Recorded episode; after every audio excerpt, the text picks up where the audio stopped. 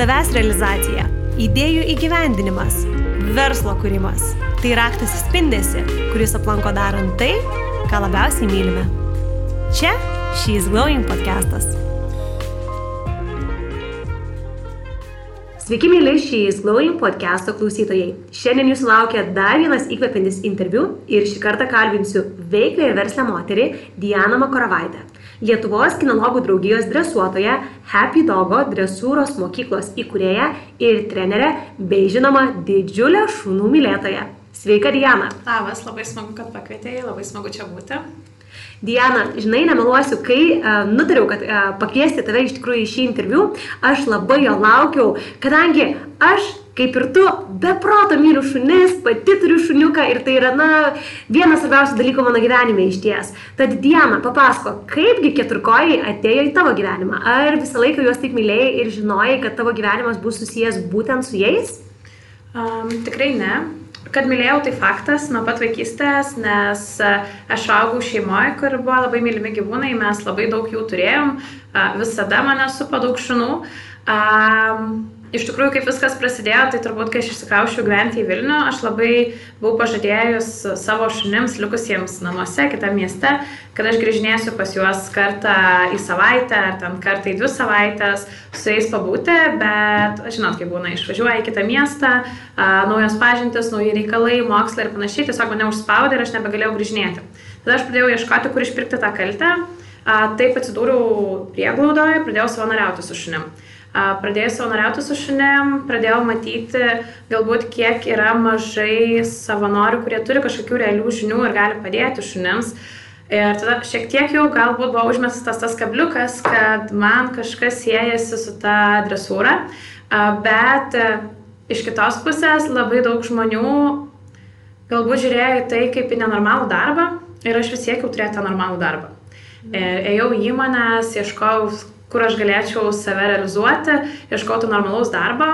Kas tai... tas normalus darbas, Diana? Dabar tai normalus darbas yra mano darbas, bet iš tikrųjų tai nususidūriau turbūt su tokiu požiūriu, kad jeigu tu nedirbi ofise, nevaikštai su kostiumėliu, o vaikštai su treningais, tai jau nėra normalus darbas. Uh, Tai aš pradėjau ieškoti savęs, taip pradėjau dirbti įmonėse marketingo skyriui, iš pradžių kaip tiesiog jaunesnioji marketingo specialistė asistentė, vėliau tapau jau ir rimtesniu specialistu, tai mane palydėjo ir į magistro studijas susijusios su marketingu apie kurias aš jau tau šiek tiek buvau užsiminusi, kad vos tik įstojau magistrą, a, turbūt trys mėnesiai po mečiau savo normalų darbą ir išėjau visiškai pilnai būdresuotoje pradėjus tą normalų darbą, ilgai netruko suprasti, kad vis dėlto mano širdis ne čia. Na taip, nes prie pietų stalo su kolegom, per laisvės pertraukėlės, pietų pertraukas, visur viskas siejasi su šunimis. Ir turbūt visi kolegos žinojo, kad jeigu kažkas neaišku, gali manęs tiesiog paklausti. Ilgainiui pradėjau matyti tai, kad aš per pietų pertrauką bėgu pas kažkokį klientą, padėti jam su, juos, su jo šuniu susikalbėti. Po darbo greičiau renkuosi daiktus, kad spėti per kamščius nuvažiuoti iki kliento. Visi savaitgaliai buvo paukoti dresūrai. Tada prasidėjo tendencija, kad aš anksčiau ateinu į darbą tam, kad greičiau jį pabaigti ir galėčiau važiuoti dresuoti šunų. Tai tas plėšimasis tarpusavyje turbūt palidėjo į tai, kad, nu, pabandysiu surizikuoti. Ir mesiu tą darbą, kuris man irgi patiko. Ir jis irgi buvo siejamas su šunimis, tiesiog labiau tas su kostiumėliu ofise. Ir pradėjau tiesiog dresuotoje dirbti. Ar tada, kai nutarėjai išeiti iš darbo, jau turėjai, na, tokį kaip ir sakykime saugumą, ar ne, kad iš klientų individualių galėsi bent jau padengti savo buvusios algos sumą? Uh, ne čia buvo toks išėjimas iš tikrųjų visiškai iš komforto zonos. Aišku, aš nepaminėjau to, kad visų pirma, aš lygiai grečiai ir mokiausi būti dresuotoje ir tas spyris turbūt išeiti iš darbo ir pradėti labiau tai gilintis buvo tai, kad aš išsilaikiau kvalifikacinį dresuotojo egzaminą, kuris yra mano nuomonė privalomas, jeigu tu nori dirbti su klientais. A, tai šitoje vietoje aš išėjau taip su savo tuometiniu draugu pasikalbėjus, kad jeigu ką, tu man padėsi finansiškai, nes mano visi pinigai visi tai, ką aš uždirbdavau iš klientų, būdavo tiesiog suinvestuojami atgal į žinias. Išėjai, pradėjai savo veiklą ir kaip tau sekėsi prisitraukti pirmosius klientus, nes tikrai žmogui, kuris pradeda, dažniausiai tai būna numeris vienas problema. O čia labai sunku turbūt. Nu, vienas dalykas, tai man labai padėjo socialiniai tinklai, nes jeigu šiaip žmonės atkreips, atkreips dėmesį, tai aš praktiškai gyvenu tik tai Instagrame ir gyvenu tik tai iš Instagramo. Facebook'e aš labai retai kada dalinuosi kažkur figuruoju ir panašiai, nes tam nebelieka laiko. Tai aš tiesiog pradėjau, nu ką aš pradėjau, aš pradėjau dalintis tokiais labai paprastais, basic patarimai žmonėm, kaip uh, tvarkyti su šunų problemomis, nuo ko pradėti ir panašiai. Ir tiesiog pradėjau matyti, kaip sekėjų skaičius auga. Jis tikrai pradėjo staigiai kilti į viršų. Ir tada vis atsirado žmonių klausiančių, o gal jūs man galėtumėt padėti su mano šuniu. Ir taip ir prasidėjo. Neturėjimas patalpų, paklausė žmogus, kiek kainuos treniruotė, tu nežinai, ką atsakyti, nes nemoki to įvertinti. Jokiausi, kad dabar prisiminus tą žiemą, nes realiai aš išėjau ant žiemos praktiškai Tai be, tal, be patalpų, tu važiuoji žmogaus nurodytą vietą, tu turi keletą treniruočių, kurias labai nori pravesti, realiai net nespėjai nuvažiuoti tualetą, esi visiškai sušalus, sustoji degalinį šiek tiek pasišildyti, išgerti kavos ir važiuoji pas kitą klientą. Kai realiai dabar aš tikrai savo laiko tam neaukočiau, atrodo. Ir atrodo, kaip aš galėjau, nes pamenu, kad grįžti namo, ten šeštadienio vakaras, tu esi tiek sušalus, kad ten 3 valandas su pledu šildais ir vis tiek nečylė. Tai dabar tai smagu prisiminti, bet turbūt nu, tas noras daryti tai, ką mane kvietė, turbūt likimas buvo stipresnis už viską. Bet Diena, iš ties mano nuomonė tai yra puikia pamoka, kad tam, kad mes atsidurtumėm ten, kur galime uždirbti iš mylimos svajonių veiklos, labai dažnai tikrai pasikartojantis scenarius yra būtent toks, kad iš pat pradžių mums tą veiklą teko daryti nemokamai arba už daug mažesnius pinigus, arba nerti tai stačia galva be kažkokių garantijų. Tai mano nuomonė tai kaip tik tau labai padėjo, ar ne, dar tik įsitikinti, kad jeigu tokiamis sąlygomis aš noriu tai daryti, tai čia jau tikrai skirta man. Taip ir reikėtų nepamiršti, kad aš atėjau tą rinką, kur jau buvo gerai įtvirtinusi mokyklų ir kurios pakankamai žinomos buvo. Ir tai yra tas darbas, nu, kur patirtis tau duoda tavo ne tik žinomumą, bet ir klientų ratą, dėl to, kad kuo labiau patyręs treneris esi, tuo daugiau žmonių nori aplink pas tave patekti, galbūt taip pasakysiu. Tai realiai man pakankamai buvo sunku, aš labai nepasitikėjau savim, bet nu, iš kitos pusės aš esu labai nuoširdai ir tikrai yra buvę atveju, kai klientas kažką paklausė aš tiesiog sakau, Žinai, aš nežinau atsakymą ir galbūt aš nepaimsiu pinigų šitą konsultaciją, nes nesitikėjau šito klausimo, aš grįšiu namo, ieškosiu savo šaltiniuose, išsiaiškinsiu ir tada grįšiu pas tavęs atsakymą, kas realiai kainuodavo ašaras vėliau vakare, nes atrodo, koks tu specialistas, nuvažiavai treniruoti ir negali atsakyti klausimą. Oi, puikiai suprantu tą tarkavimą savęs, ar ne, bet vėlgi tai padėjo būtent, na, ir sukaupti visą tą žinių bagažą. Taip. Ir, nu, tas begalinis noras. Noras daugiau žinoti, noras atsakyti visus tos klausimus. Ir aišku, tu viską negali žinoti. Ir kiekvieną dieną tu tobulėjai. Kiekvieną dieną aš pati lankausi pas kitus trenerius, tiek užsienyje, tiek Lietuvoje, semiuosi patirtį. Nes turbūt tai yra esminis dalykas, kad jeigu tu nori būti sėkmingas, tu turi nenustoti tobulėti. Tu turi mokytis, ieškoti, ko tu dar nemoki, ką tu dar galėtum išmokti. Diana, e, buvai paminėjusi, kad, na, nutarėjai pakeisti savo normalų darbą būtent šiuo. Tai, žinai, iš ties aš pagalvojau, kad e, nėra tokio apibrėžimo kaip normalus darbas, nes ar ne, kai mes gimėme, kai buvom babiai, niekas mums nesakė, nebuvo vadovėlėje parašyta, kad čia yra normalus darbas ar ne, bet tai yra labiau aplinkinių, iš esmės, ar ne, nuomonės, įstikinimai kažkokie ir panašiai. Tai natūralu, kad ir tau turbūt ir augant ir, na, iš esmės, vystant savo karjerą, yra tekę girdėti, kad gal čia nenormalus darbas, gal tu geriau rinkis tą standartinį kelią. Tai kaipgi reagavo tavo artimieji, kai vis dėlto maištavai ir sakėjai, žinot ką, nu nesirinksiu. Labai jokinga, nes mano tėtis vis dar klausia, kad aš susirasiu normalų darbą. Um, Iš tikrųjų, turbūt artimiesiams buvo keista šiek tiek, nes aš buvau tas užsidegęs vaikas nuo mažens, kur aš labai stengiausi mokytis, tik dešimtukais, kad įstoti nemokamai į universitetą. Universitetą stengiausi baigti kaip įmanoma geriau, kad po to nemokamai įstoti į magistrą ir atrodo, tik viskas buvo sustiguota. Ir tada aš tiesiog vieną dieną atsikeliu ir visiems sakau, nu, aš pabandysiu, jeigu neišeis, aš visada galėsiu grįžti į tą darbo rinką, normalaus darbo rinką. Tai jo, tai buvo šokas, aišku, mano antrai pusė galbūt šoko nebuvo, nes jis tiesiog matė, kad aš priešausi per pusę, dėl to, kad mano visas laisvas laikas buvo atiduotas tam. Ir dabar, kai pagalvoju, kartais ir juokas paima, kad Aš labai laukdavau vasaros, nes vasara šviesesni vakarai, tai reiškia, tu dar gali užsibukinti treniruotę su klientu 10 val. vakaro. Ir dar nebus taip baisu laukia, dėl to, kad tai bus dar šviesu. Nes į, išsinuomoti patalpas, jas išsirinkti irgi buvo didžiuliai finansai. O kai tu dirbi vienas, tu esi pradedantysis, tu, kaip ir minėjai, įimi mažesnę sumą arba kartais tai darai nemokamai, Tai toksai buvo, kur dar negaliu išlaikyti, o jeigu neturėsiu klientų, tai darbdavai patvirų dangumi, jeigu lyja, tu negali turėti šaukti treniruotės ir tada taip. Tai toksai artimiem žmonėm, draugam antrai pusiai nebuvo šoko, nes jie matė tame, kad aš gyvenu. Tevam šiek tiek šokas buvo, na, mama tai jau dabar tokia, kur reikia priekį, aš tam labai didžiuojas, tėtis vis dar, kad mm, na žinot, su tiečiais būna, kad deda kažkokias kitokias viltis turbūt, bet aš manau, kad laikui bėgant jis supras, kad mano darbas lygiai toks pat normalus. Net nebejoju, kad taip ir nutiks, nes tikrai matant tavo degančias akis, akivaizdu, kad tai, ką padarai, dar tik kelionės pradžia. Ir už kelių metų nebejoju, kad tėvai tik dar labiau žvelgs tave ir galvos, wow, kaip gerai, kad dainai nepaklausė ir suprantu, kad tikrai, na, gali būti kartais baugu, ar ne, nes vis dėlto tai yra artimiausi, brangiausi mūsų žmonės, kurie mus atvedė į šį pasaulį ir mes čia elgiamės kitaip. Tačiau nebejoju, Diena, kad tavo sprendimas yra tikrai teisingas ir paties turėjusi galimybę dirbti su tavimi, tai tik įsitikinau tavo begalinę meilę šunims.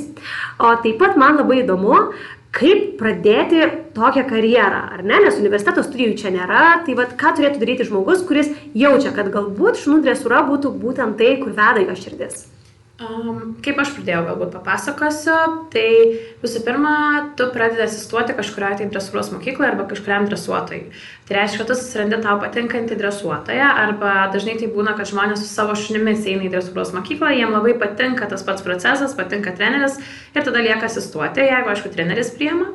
Um, aš asistavau beveik 3 metus, po 3 metų aš išdrįsau laikytis kvalifikacinę egzaminą, išsilaikęs egzaminą, dar tais metais buvo, kad tu gauni 2 metų bandomąjį laikotarpį ir jeigu per jį pasirodai gerai, tai reiškia vedi treniruotės, neturi kažkokių nusižengimų, uh, ir panašiai, tu tampi dresuotojai. Dabar, man atrodo, bandomojo laikotarpio nebėra, iš karto po egzamino galiu jo tapti, tai mano kelionė atrodė maždaug taip. Tai aš e, asistavau dresuros mokykloje, tai vėlgi viską dariau net lygintinai, kas e, turbūt irgi pastumėjo mane dar nemesti savo darbo, dėl to, kad nu, vis tiek tu turi iš kažko gyventi. Um, o tu ir nori ir mokslo daugiau nusipirkti, seminarų peržiūrėti, plus kainuoja kuras važinėti ir panašiai. Tai realiai Pasistavus, aš įsilaikiau kvalifikacinę egzaminą, tada dar šiek tiek toje mokykloje likau, bet ilgainiui nutiko taip, kad aš tiesiog galbūt nesutapo kai kurie požiūriai, nes aš į šitą veiklą vis dar žvelgiu ne tik kaip į verslą, bet į tai kaip į savo gyvenimo būdą ir man tikrai nesunku yra šeštadienį vakare pakelti ragelį skambinančiam klientui, kuris panikuoja, kad jo šuo suvalgė saldainį. Ir galbūt tai gali skambėti naiviai ir vaikiškai iš mano lūpų, dėl to, kad atrodo, nu, taigi tavo nedarbo valandos ir panašiai, bet aš manau, kad tai vienas iš mano turbūt ir sėkmės arkliukų yra tai, kad aš viską dariau su tokiu dideliu užsidėgymu ir nuoširdumu, kad man tiesiog, kad klientas paskambino vėlai vakare, tai nėra kažkokia problema, nes man įdomu, kas jam nutiko. Žinai, Diana, man atrodo, kad e, dažnai gal ir atrodo teorijoje, kad mes turėtume apsipriešti tas darbo valandas, bet realybė yra kitokia. Ir kaip papasakoju šitą situaciją, aš pati prisiminiau, kai pradėjau savo vestuvių verslą. Ir tikrai nuotokos dažniausiai su manim paplėpėti ir jūs norėdavo šeštadienio vakarą, kai jūsų mamyte e, gurkšnodavo vinelį ir galvodavo, nu paklauskim vestuvių planuotojas, tai ar tos gėlės jūs organizuotos. Arba nuspręsdavo, kad nori vis dėlto visiškai kažko kito, negu kad prieš tai buvom tarėsi. Ir taip ir būdavo, kad aš būdamos draugais įdavau atsiliepti, kalbėti, bendrauti.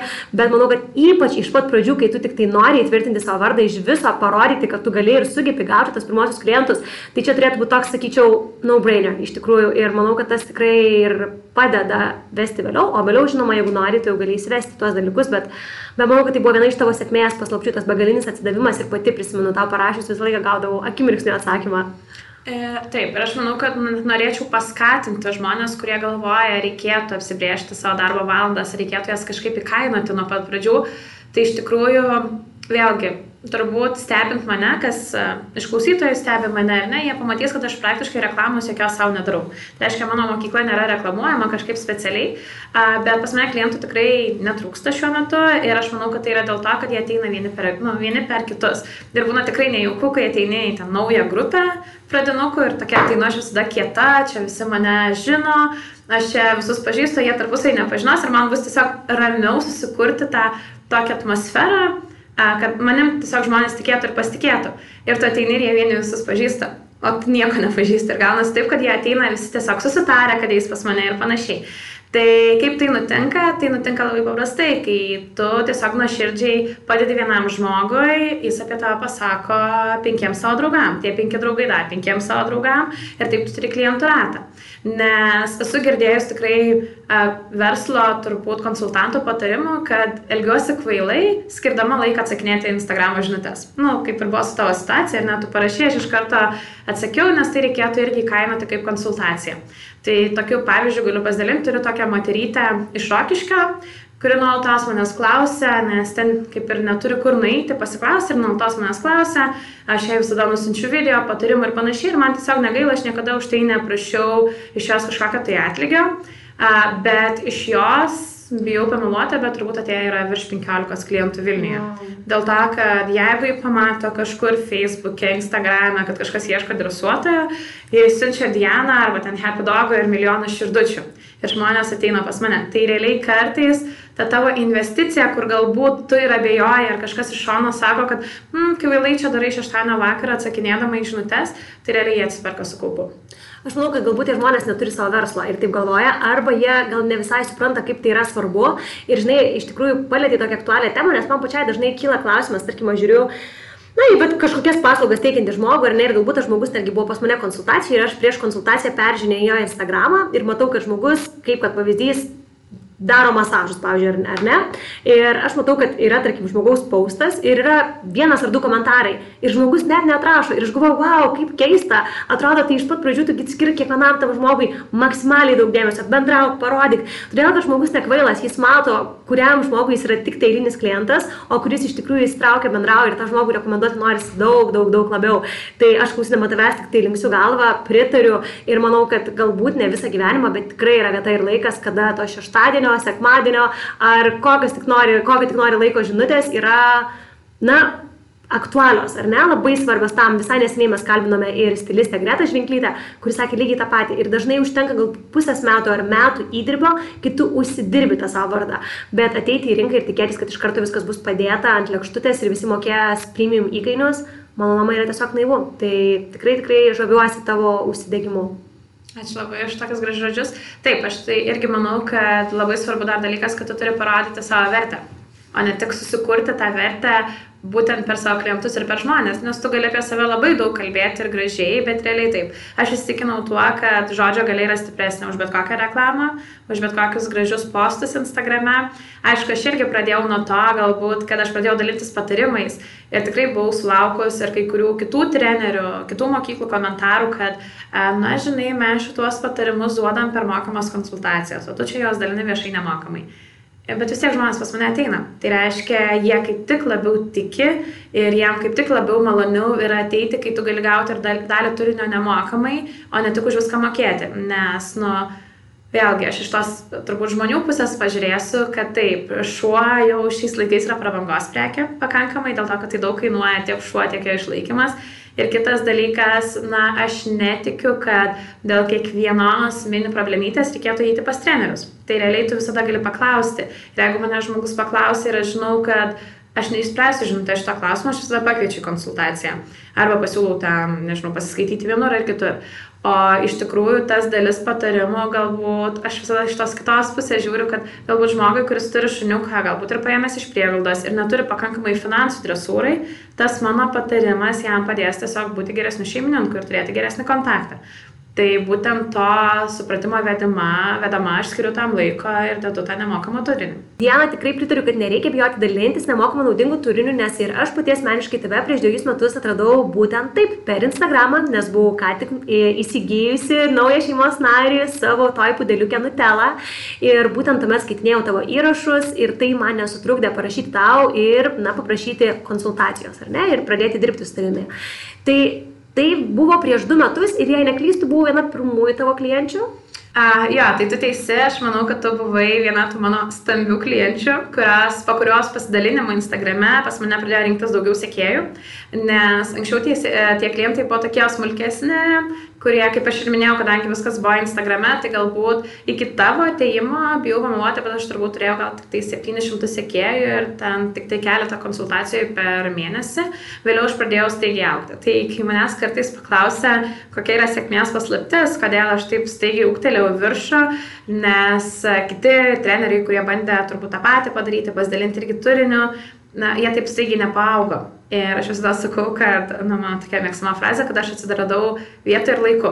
Ir patekau e, į aplinką tokių žmonių, kurie tiesiog nuoširdžiai pasidalino rekomendacijoms ir daugiau žmonių pradėjo manim pasitikėti, pas manim domėtis ir tada daugiau tų klientų atėjo. Nes vėlgi, aš labai mėgstu ir tavo įkurtą bendruomenę ir aš visada žmonėms sakau, kad nu, tu privalai apsupti save tai žmonėm, kurie ne tik, kad neša naudą ir žiūrėti, kokią naudą jie atneš, bet tie, kurie nuoširdžiai tavim tik ir palaiko.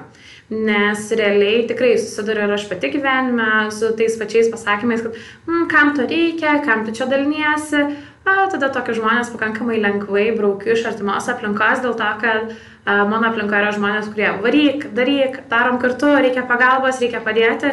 Ir tikrai turiu be galo nuostabių draugų aplinkoje, kurie su manimi iki nakties klyjavo grindis salėje, ten prisukinėjo lempas kiekvieną savaitgalį, nes daugiau kitų metų negali ir panašiai, tai tas yra svarbiausia. Tai turbūt mano tas augimas buvo lydimas tokių žmonių, kurie manim pasitikėjo ir tikrai drąsiai dalinosi rekomendacijom ir tuo vėlgi begaliniu noru dirbti ir draugų apsiptimi. Ir pradėjai prieš dviejus metus, o dabar iš tiesų spėjai per tą laiką stipriai ūktelėti, ar ne? Tai kiek laiko tau užtruko pakeisti savo šios veiklos pajamas, na savo algą prieš tai buvusią pakeisti šiomis pajamomis ir ar iš vis pavyko? Pavyko patrigubinti turbūt. Wow! Jo, tai, nu vėlgi, čia dabar, kad žmonės negalvotų, kad uždirba milijoną. tai iš tikrųjų, aš paskutinis mano darbas, kur aš dirbau, tai buvo startupas. Tai mes negalėjom savo turbūt mokėti labai dėlių pajamų, Tai šitoj vietoj, tai tikrai man pajamas atsijimti tokias, kokias turėjau prieš, nu, normaliam darbe, vėl, aš vėl sakau normalus darbas, bet taip tiesiog man yra suformuotas toks jau požiūris. Taip. Tai turbūt pateko, teko, nežinau, pusės metų gal pritrauk reikėjo tam, kad aš galėčiau pakankamai stabiliai jau stovėti ant kojų. Kad galėčiau pradėti investuoti ir kurti ateitį šitam visam projektui gyvenimo ir įsirenginėti patalpas ir panašiai, aš manau, truko iki metų, bet vėlgi, žinai, ką reiškia kurti ateitį. Aš esu tokia, kuri esu labai stipriai maksimalistė, dėl ko kartais ir nukenčiu, bet pas mane, ten, tarkim, grindis patalpose turi būti vienokios, o ne kitokios. Tai pradėkime nuo to, kad vėlgi, kodėl taip turi būti, todėl kad aš noriu maksimaliai gero jausmo, geros patirties savo klientams. Tai Tai tarkim, nu toks yra, kad, žinai, aš labai gal kritiškai vertinu tas pajamas dėl to, kad man svarbu, kad visų pirma aš galėčiau vykdyti veiklą, o jau ten antrailiai poreikiai man eina tiesiog iš šona. Aišku, per tuos visus du metus įvyko ir kitų niuansų, norėjau mokytis toliau, norėjau daugiau seminarų perklausyti ir panašiai, kas reiškia vėlgi labai didelius pinigus, nes jeigu mes užmesim akį į užsienio trenerių seminarus, tai yra seminarų kainuojančių nuo 800 iki 2000 eurų kur, tarkim, tu nusipirki ir tikėsi, nežinau, kažkokio kurso, ten yra pusantros valandos seminaras. Mm. Tai kartais ir tokių skaudžių investicijų būta, tai, tai taip, tai aš manau, kad iki metų buvo tas laikotarpis, kai aš jau galėjau pilnai sustoti ant kojų ir man nebebuvo uh, panikos, kad, o dieve, aš galiu vieną dieną tiesiog nebeišsilaikyti. O kaip jautiesi dabar? Ar manai, kad šioje rinkoje iš esmės yra labai didžiulė konkurencija, ar naujai pradedančiam žmogui yra labai sunku? Matai, aš negaliu vertinti konkurencijos, nes aš niekada nekonkuruoju. Aš esu šitoje vietoje naivus žmogus turbūt, mane bent jau vadina taip, kad aš esu naivi, dėl to, kad aš maksimaliai džiaugiuosi ir palaikau kiekvieną dresūros mokyklą. Ir man tikrai yra neskaudu, jeigu pas mane tas klientas netelpa, arba mes nerandam bendros kalbos, nes būna ir taip, aš sakau, man visiškai neskauda nukreipti tą žmogų pas save. Aš per tuos metus užaugau taip vidu, ne kažkokią finansinę prasme, bet vidum, kad aš dabar renkuosi geriau atsisakyti kliento, su kuriuo man neišeina suskalbėti, negu per, nežinau, per kančiai laikyti. Mm. A, tai ką aš ir minėjau pradžioje, kad aš bandau šito viso gėrio nepaversti vien verslu, nes aš noriu tiesiog mėgautis procesu. Tai reiškia, šitoj vietoj aš apie konkurenciją net negalvoju, nes man pakankamai yra lengva nukreipti žmonės ir kitur. Ar naujam žmogui pradėti sunku, Manau, kad pakankamai taip, dėl to, kad mūsų yra daug. Žmonės, kaip ir bet, bet kokį trenerį, tiek mytybos, tiek sporto, renkasi jau pagal patirtį ir atsiliepimus. Tai tuos atsiliepimus yra pakankamai sunku susirinkti turbūt. Bet kitas dalykas, jeigu kažkas svajoja apie tai, tai vienas dalykas noriu paskatinti, kad nebijotų įtų belsti mokyklas ir prašytų mokytis, kaip aš dariau lygiai tą patį, nors manęs mano mokytoja to metinė, pas kurią atsistavau, net nelabai norėjo priimti. Aš tiesiog ėjau, ėjau, ėjau, buvau jos pirmą asistentę, tai tiesiog buvau tokia abejinga tam visam projektui, bet aš ėjau, beldžiau, rašiau žinutės kiekvieną dieną, pažinutę, ar jau apsisprendėte, ar priimsit mane ir panašiai, buvau tokia įkyri. Ir kitas dalykas, labai rekomenduoju jokių būdų nedaryti to šešėlį. Tai reiškia eiti, laikyti egzaminą, stengtis, ir rodytis viešumoje ir nedaryti kažkokio ten iš po stalo treniruočio dėl to, kad tada labai galima sudegti. Ir žinau tokiu atveju, kai žmonės galbūt būtų dabar buvę geri, labai geri treneriai, bet sudegė būtent tuo, kad ar nepakankamai pasitikėjo, ar nepakankamai norėjo įtvirtinti savo veiklą ir tiesiog būtent tuo kažkokiu, ai kartais pakonsultuoju, tiesiog po to užsidirbo blogą vardą. Iš ties labai džiaugiuosi, kad tau pavyko e, ne tik pakeisti savo pajamas ar ne, naująją veiklą, atidaryti dresūros studiją, tačiau žinau, kad pradėjote ir priekiauti įvairiais aksesuarais gyvūnams. Papasakok apie tai plačiau. Um, ne tik prekiauti, mes juos ir gaminam. A, taip, nu, vienas dalykas, gaminu pati savo rankomis, jau dabar ne visada viską, bet daug dar gaminau savo rankomis ir eidavau treniruotės skaudančiom rankom, nes pavadėlius pagaminti yra ne juokas. Bet iš tikrųjų, kaip gimė ta idėja? E, vėlgi ta idėja gimė iš to mano perdėto perfekcionizmo viskam. Ir aš pradėjau galvoti, kad, hmm, nueinu į vieną gyvūnų prekių parduotuvę, neradau mėgstamo žaislo. Hmm, nu jau kita yra pavadėliai, bet nu netokie gražus, gal aš norėčiau gražesnę. Um, nu, ten prasidėjo toksai mąstymas, mąstymas ir galbūt pabandysiu pasidaryti pavadėlį savo šuniui pati. Pasidariau savo šnai pati, kažkas iš klientų pastebėjo, kažkas gatvėje pastebėjo, užklausė, nu gerai, padarysiu dar ir draugams. Ir prasidėjo tas padarysiu dar ir draugams, išsiplėtojo į elektroninę parduotuvę. Į kol kas yra dar pakankamai šviežia, dar tobulinimo procese, bet jau klientų bazę esam sukūrę nemažą. Ir taip ir gimė ta idėja. Ir tiesiog dabar stengiamės tobulinti, jau galvoti apie naujus produktus, nes pats pagrindas tai tiesiog buvo avies kailio žaislai ir pavadėliai. Dabar jau tikimės įtraukti ir kažkokių kitų produktų.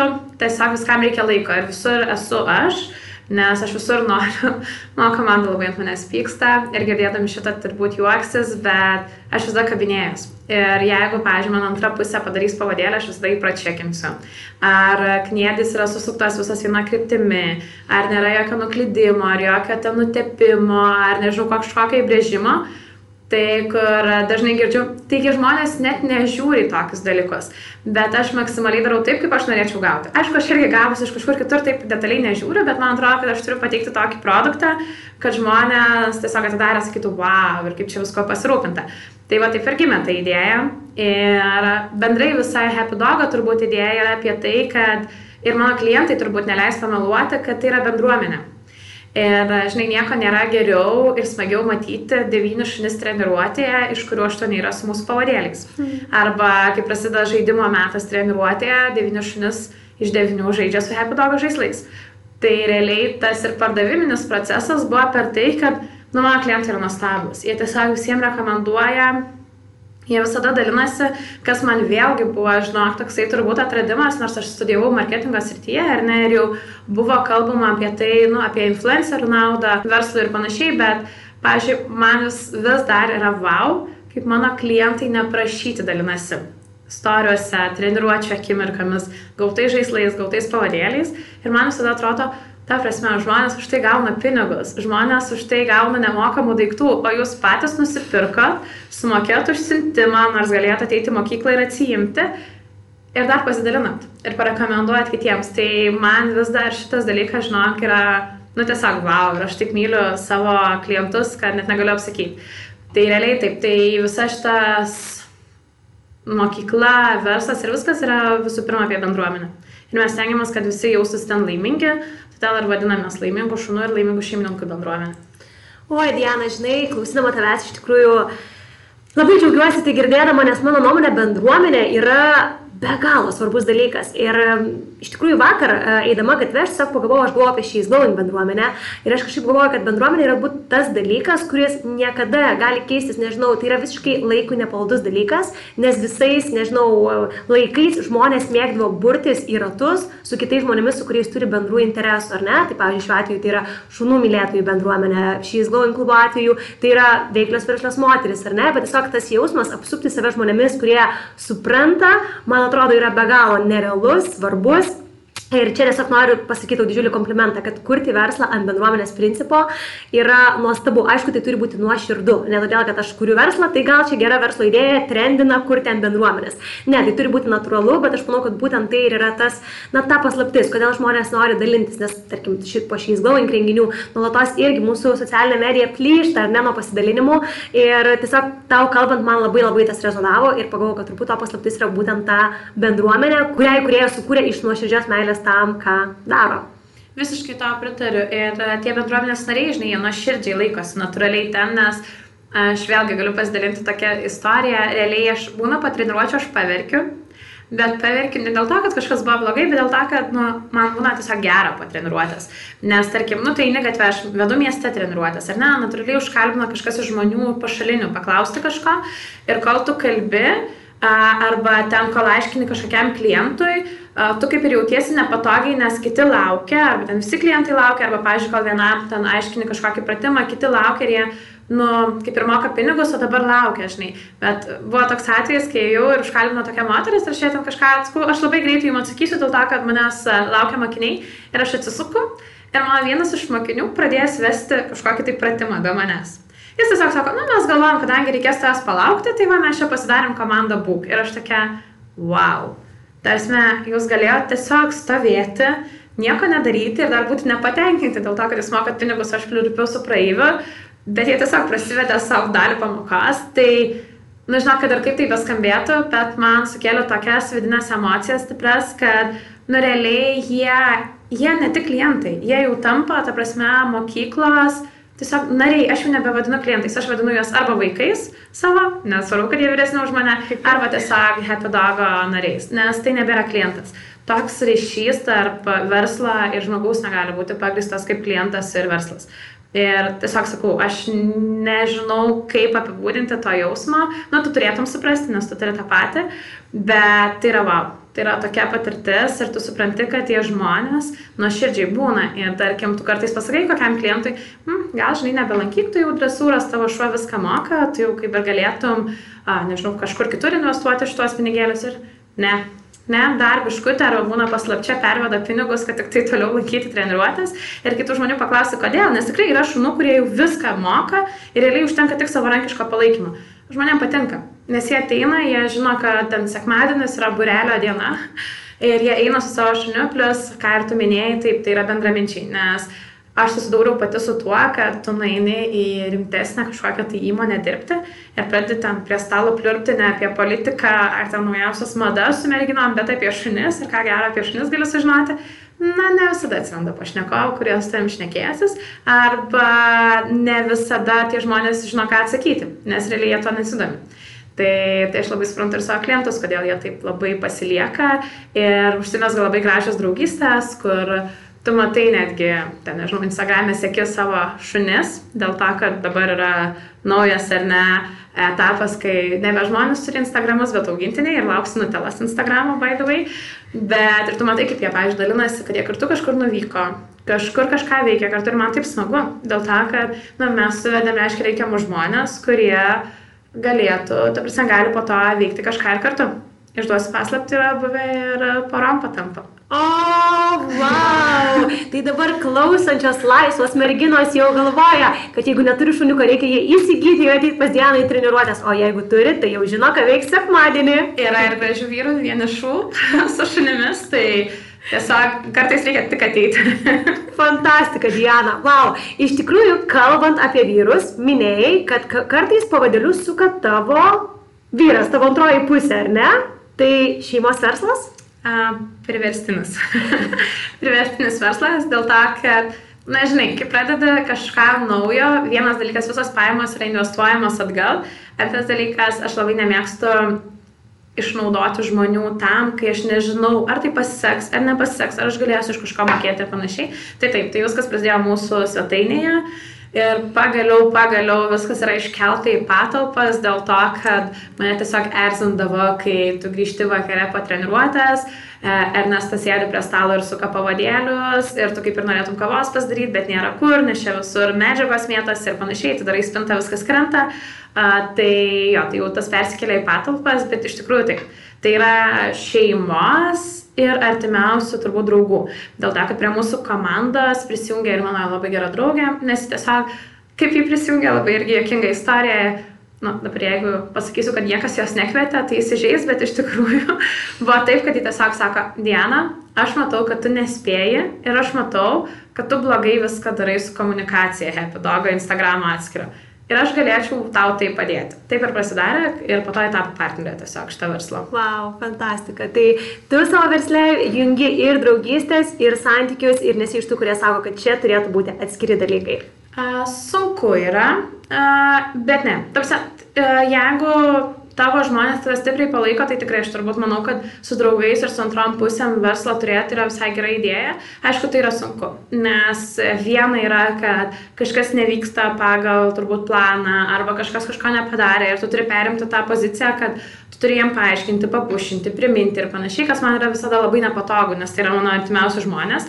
Bet aš labai džiaugiuosi, kad mes visi esam prie to sustarimo, kad baigusis mūsų susirinkimai, mes galim ir turėti į namų aplinkoje, ar ne, pasibaigus susirinkimui, išvertus kompus, mes tiesiog perinam į draugų lygį. Ir viskas. Ir baigėsi visi kažkokie nesutarimai, mes galėjom pasipykti, pasiginčyti, išjungus kompiuterius mes jau tampa vėl draugai ir mes to nesinešiojam.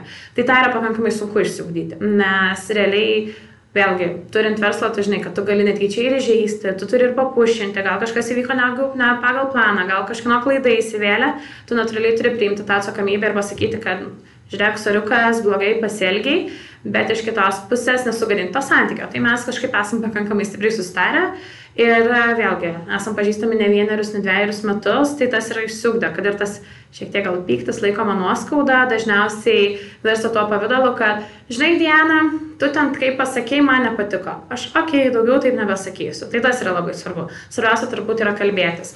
Ne žmonės, kurie sako, kad neįmanoma su draugais turėti verslą ar ten su antra pusė, turbūt arba nesikalba, arba labai ilgai laiko nuoskaudas. Diana, na, o dabar tiesiog noriu pasinaudoti galimybę, kad šiandieną esi čia ir taip pat noriu tave pakalbinti ir apie augintinius. Taigi tikrai nebejoju, kad šio podcast'o klauso ne viena moteris, kuri turi šuniuką arba visą šunį didelį.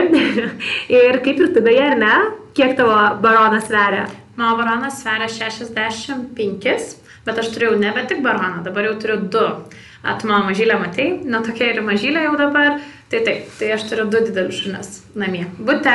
Ir e, netiesa iš karto greunu mitą, kad netiesa, kad šuniui reikia didelio kiemo ar didelio namo. Mano šunis gyvena dviejų kambarių bute, bet jie yra pakank, nu, stipriai laimingi dėl to, kad jie pakankamai krūva ir užsiemimų gauna laukia, namie tik ilsisi. Kaip tie šunys atėjo į tavo gyvenimą? Oi. Uh, IPA, tai mano belga vigane, 9 mėnesių tai tikrai buvo planuota, jos buvo laukta 2,5 metų. Maždaug, dėl to, kad aš labai labai norėjau šuns, su kuriuo galėčiau dirbti ir sportuoti tuo pačiu, tai ji yra labai planuota. O su Baronu, su Baronu jis atėjo turbūt pačiu tinkamu laiku ir buvo ta žinutė, kad man reikia kažką labiau daryti gyvenime susijusios su šunimis, nes Baronas pateko į prieglaudą, kai jam buvo pusantrų metų, tada jam nebuvo vietos, jis buvo aptvare tiesiog lauko, buvo sausis, buvo pakankamai šalta. Na gerai, dabar kas pamatys barono nuotrauką, sakys, jam tikrai nebuvo šalta, bet aš, mano silpna širdis sakė, kad jam šalta. Ir mes tiesiog nuvykome, savanoriai sakė, kad negali jo pavėdžioti, jis nieko neprisileidžia. Ir mes nuvykome jo tiesiog apžiūrėti, pasi, pasižiūrėti, galbūt mums pavyks jį pavėdžioti. Aišku, aš ėjau į aptvarą ir baronas manęs neprisileido. Ir tada mano antra pusė sako, aš pabandysiu. Ir aš tikrai pašaipiai, dar mintise galvoju, ką aš čia savo bandai įrodyti, taigi aš čia dresuoju šunis, o tu čia tik šiaip ir bandai čia įeiti dabar ir kažką įrodyti. Tai gavau labai stiprų antausi, perkeltinę prasme, nes Ernestas tik įėjo į aptvarą, baronas iškart prieėjom prie kojos. Hmm. Ir tada prasidėjo manęs tikinėjimai, kad gal pasiemam jį laikinai globoti. Tai tas laikinai globoti jau yra penkti ar tai šešti metai, kaip jis laikinai gyvena pas mus. O kitas dalykas, tai, nu, aš labai norėjau šuns, bet tada Ernestas buvo nukirtas, kad mes tam neturim laiko, mes labai daug dirbam ir panašiai. Tai baranas atėjo taip neplanuotai, su daug problemų, bet labai labai viską pakeitė. Ir tai, kad baranas atėjo į mūsų gyvenimus, aš manau, kad man labai stipriai užaugino kaip trenerė. Dėl to, kad jis atėjo su tokiam problemam, su, kuriais, su kuriuom kai kurie treneriai net sakė, galbūt ne, neverta dylinti gal tiesiog tą šunį kažkam atiduoti, ar ten mygdyti ir panašiai. O mano buvo toksai, kur, nu, aš jau myliu tą šunį, po dviejų dienų aš jau jį mylėjau. Ir man buvo labai sunku ir aš bandžiau viską, kad pakeisti jį ir tas pokytis jo įvyko labiau manyje negu jame. O su kokiamis problemomis atėjo jis? Uh, jis buvo labai bailus, jis viską bijojo dėl to, kad buvo skriaustas prieš tai buvusių žmonių, apnuodytas maistu turizmo sodybai, tai reiškia girdalum, šėra citrinom ir panašiai. Bet tuo, tuo pačiu jis buvo labai agresyvus į kitus šunis. Tai reiškia vieną akimirką jis sausio mėno 65 kg, jis vieną akimirką visas išsiviepęs, drimbančiam seilėm, išėpęs dantis puola į šunį, kitą akimirką išsigąsta kažkokios vėliavos ir šoka į gatvę. Tai griuvimai, suplėšti džinsai, krūvini keliai, ašaros ir viskas labai labai ilgai mane talžė ir ugdė kaip asmenybė. Ir anksčiau, jeigu aš sakydavau, kad ne, aš nepasitikiu savim, aš čia bloga trenerė, aš nesugebu šitam šuniui padėti, visiems galiu, o savo šuniui negaliu, dabar e, turbūt yra pakankamai užauginta stora oda, kai aš sakau, jeigu aš šią akimirką neturiu atsakymą, aš jį būtinai rasiu. Tai mane paskatino tai vėlgi labai labai stipriai tobulėti ir tai investuoti savo laiką bei pinigus. Ir kokie buvo rezultatai ir pavyko pasiekti gerų rezultatų? Visiškai baronas dabar dalyvauja treniruotėse kaip terapinis šuo. Tai reiškia, jis dalyvauja treniruotėse su šunimis, kurie pažiūrėjau, yra agresyvūs į kitus šunis arba labai reaktyvūs, nori prieiti, nori loti, tai baronas yra tas šuo, kuris ateina į treniruotės, toks šuniukas ant jo gali bandyti ir pulti, bandyti loti ir baronas tiesiog stovi ir laukia, kol tas šuo nurims. Taip duodamas tam šuniui patirti, kad ne visi šunys reaguoja į tą tavo lojimą ar ne į tą tavo pikimą. Tai taip, baronas labai daug šunų yra padėjęs tiek šunų, tiek šeimininkų labiau pasitikėti savim ir atsikratyti tam tikrų elgesio problemų. Wow, fantastika, iš tikrųjų, kokia didelė dresūros gale, ar ne? O Diana, ar galėtum pasidalinti galbūt kažkokiais patarimais praktiškai padaromais namuose, išspręsti vieną iš tikrai dažniausių, mano nuomonė, problemų, tai yra tas separation anxiety, ar ne? Ir kaip tai pasireiškia, kai išeinam ir mūsų šuniukas verkia prie durų visą laiką. Turbūt tai labai dažna. Labai, ypač kai mes turime modelį, kad galime dirbti ar ne iš namų dalį laiko, dalį iš ofiso. Tai jeigu aš jums atrodžiau visą pokalbį mėla, tai dabar tokia mėla nebebūsiu. Tai vienas iš esminių turbūt dalykų, ne tik sprendžiant, bet ir užkertant kelią tam, tai duoti šuniui pabūti atskirai. Tai reiškia, mums būnant net namie, mūsų šuo turėtų bent 2-3 valandas pabūti atskirai. Ką reiškia atskirai, tai yra narve, kitame kambaryje, kitoje kažkokioje um, zonoje nuo mūsų, kad šuo įprastų, kad būti nuo mūsų ir ilsėtis yra norma. Ir tą galima praktikuoti tiesiog būnant namie, ar ne? Įsijungiat žiūrėti mūsų podcastą ir padėjot šuniuką į narvelį ar ten uždarėt kitam kambarėje, kad jis tiesiog ramiai vienas pats pabūtų. Tai yra pirmas dalykas. Antras dalykas - niekada, niekada nesileisti kontakt, šuniui inicijuoti kontakto. Ką aš turiu galvoje? Jeigu mes sėdam prie stalo, kažką veikia, mūsų šuo priejo, krapšto mūsų lietenėlę, sako, einam žaisti, natūraliai ką mes darom ir aš pati tą darau, pasiemam šunį ir einam žaisti. Nes ir nuo darbo galite trūkti ir su šuniu pažaisti. Tai iš tikrųjų mes mokom šunį, kad kada jis nori, tada jis gauna kontaktą. Ką reikėtų daryti? Mūsų šuo prie krapšto mus, sako, nori pažaisti, mes ignoruojame tą prašymą ir netoliau dirbame savo reikalais.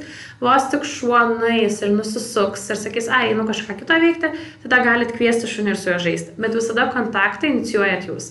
Nes jeigu tik tai šuniukas mokosi, kad kontaktą galiu gauti bet kada, kada paprašiau, žaidimą galiu gauti bet kada, kada paprašiau, kas nutinka, kai mes išeinam, natūraliai šuo stresuoja dėl to, kad jis dabar nori kontakto ir nebėra ko paprašyti. Tai tas yra labai svarbu. Ir nepamirškit, kad mano Instagrame galite rasti berot šešis postus būtent šitą temą. Nuostabu, iš tikrųjų mums Nutela pavyko išvengti visiškai šitos problemos, bet aš vadovavausi tavo duotais patarimais, tai manau, kad galbūt tas prisidėjo, nes iš tikrųjų tikrai niekada na, neturėjom šitos problemos, bet aš žinau, kad jinai yra labai labai didžiulė, tai tikrai tikiuosi, kad žmonės galės kažką pritaikyti praktiškai ir savo, savo gyvenime, nes labai būna net gaila pačių šunių, kad atrodo, kad jie taip, žinai, stresuoja. O Diana, ar yra dar kažkokių patarimų, kuriais norėtum pasidalinti su mūsų klausytojais? Um, galbūt vienas toks esminių patarimų, kad nebijoti klausti. ir nelaukti, kol problemos pasidarys tokios neįkandamos arba kur jau žmogus kenčia. Nes aš visada sakau, kad turi būti harmonija tarp šuns ir žmogaus, reiškia, nei žmogus, nei šuo neturi gyventi kančioje. Tai nebijokit klausti, galite ir man rašyti, paklausti viskas, kas, jums, kas jūs neramina. A, kitas dalykas, jeigu dar neturit šuns, tai rinkdamiesi šunį tikrai, tikrai atsižvelkite veislę. Nes pastaruoju metu labai daug turiu atvejų, kai žmonės susipirko vienokią ar kitokią populiarią veislę, bet ji visiškai netinka žmogui ką aš turiu galvoje netinka, pažiūrėjau, nusiperka labai labai aktyvų šunį, o žmogus yra labai lėtas. Bet lėtas ne ta blogąją prasme, tiesiog iš savęs. Ir tada yra kančia, nes tas šuoloja, jis niokoja namus, iššakinėja, jis tampa pavadėlė. Žmogui yra kančia, nes jis nesusitvarko, žmogus pyksta. Šuniui yra kančia, nes jo poreikiai yra nepatenkinti. Tai šitoje vietoje visada įsivertinkit. Ir aš visada liepiu žmonėm, kurie neturi šuns ir kreipiasi pagalbos, kaip išsirinkti tinkamą veislę, Tai aš visada sakau, įsivertinkit ir laiko savo galimybės, ar ne, nes dabar atrodo, kad, oi, mažas šniukas, ką čia aš dabar galiu iš namų dirbti, ne, tas šuo gyvens 10-15 metų ir tu turėsi visada skirti tiek laiko. Tai čia ir turintiems šunims, šunis, ar ne, jeigu jūs dabar turit kažkokias sąlygas darbe, kad galite dirbti iš namų pusę dienos, nepamirškit, kad po trijų metų gali tekti dirbti visą dieną. Tai šuo turi būti prie to paruoštas. Kitas dalykas, įsvertinkite ir finansinės sąnaudas, nes šunis serga, šunim reikia gero kokybiško maisto, tai nereikėtų įsigyti šuns taip, kur mm, gal pavyks išlaikyti, o gal ir ne. Gal jis niekada nesirgs. Nes aš pati turiu du šunis, aš turiu jauną pakankamai šunį 9 mėnesių, kuris yra visiškai crazy aktyvistė, bet, pavyzdžiui, dabar ji visą dieną guli namuose dėl to, kad žino, kad aš šiandien dirbu be jos. Tai tas yra būtinai šitas įgūdis, turi būtinai išugdytas būti tiek šunim, tiek ir vaikam turbūt. Man mamos pritartų dėl to, kad, nu, atminkit, kad tai yra labai didelė atsakomybė daug, daug metų. Ir jūs nuo pat pirmos dienos turite dėliotis rutiną taip, kaip norėsit, kad tai būtų 10-15 metų.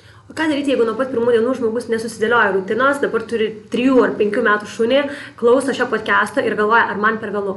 Ne per vėlų. Mano vyriausias klientas yra 12 metų dabar. Mm. Įpaėmė iš prieglaudas, tai žinokit, kreizi, kaip senukai pajutė, kad gali žinot, kažką prasmingo dar nuveikti, atjaunėja. Wow.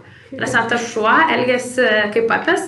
Na ir mano barono pavyzdys rodo, barono yra jau solidus amžius 6 metai Ir kai atsirado mažylio namuose, Varanas yra tas kreizas šneliukas, kur nuėjus į salę, jis pats pirmas deda letinas ant lieptelio, prašo skaniukų, laksto po salę, ima visus žaistus ir panašiai, ko niekada nebuvo. Tai realiai niekada nėra per vėlu. Taip, su vyresniais šunim ilgiau užtrunkama, nes šuo jau turi kažkokius susiformavusius įpročius, bet tas posakis, kad seno vilko naujų triukų neišmokys, yra visiškai melas. Viską gali išmokyti. Oi, fantastika, Diana. Na ir pabaigai tiesiog noriu tavęs paklausti, kągi pasakytum moterim, kurios nori pradėti savo verslą, jaučiasi įkvėptas, tačiau galbūt nedrįsta. Darykit. Darykit ir tikėkit savim ir neklausykit niekieno aplinkui, kas sako nepavyks, čia ir taip yra šitų verslų ir panašiai darykit ir tikrai pavyks. Ir e, negailėkit turbūt laiko ir pinigų į būtent tos ir ties tobulinimą savęs. Nes aš netikiu, kad žmogus gali viską žinoti. O kartais, galiu pasidalinti irgi iš savo patirties, aš kartais einu į seminarus arba perku seminarus, kuriuos, na, aš tikrai žinau, ką ten sakys. Bet užtenka tiesiog kartais prasiblaškai tuo pačiu ir kitas dalykas, ateina tiesiog tokia mintis, va, žiūrėk, geras sakinys, kaip lengviau paaiškinti žmogui, ką aš norėjau tuo pasakyti. Tai tikrai, tikrai darykit, nebijokit, nebejokit ir neklausykit, jeigu kažkas sako, kad nepavyks, tai tuos žmonės iššalė ir tiesiog apsupkite žmonėm, kurie tikė jumis. Ačiū tau, Diana, už tikrai be galo įkvepiantį pokalbį. Ačiū labai.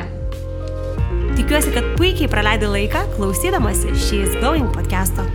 O jei nori daugiau bendrystės, nuostabių ir įkvepiančių istorijų, naujų žinių, renginių ir kitų privilegijų, kurias gauna tik šiais Going klubo narės, keliauk tiesiai į mūsų internetinę svetainę www.sheisglowing.lt ir tap mūsų klubo nare.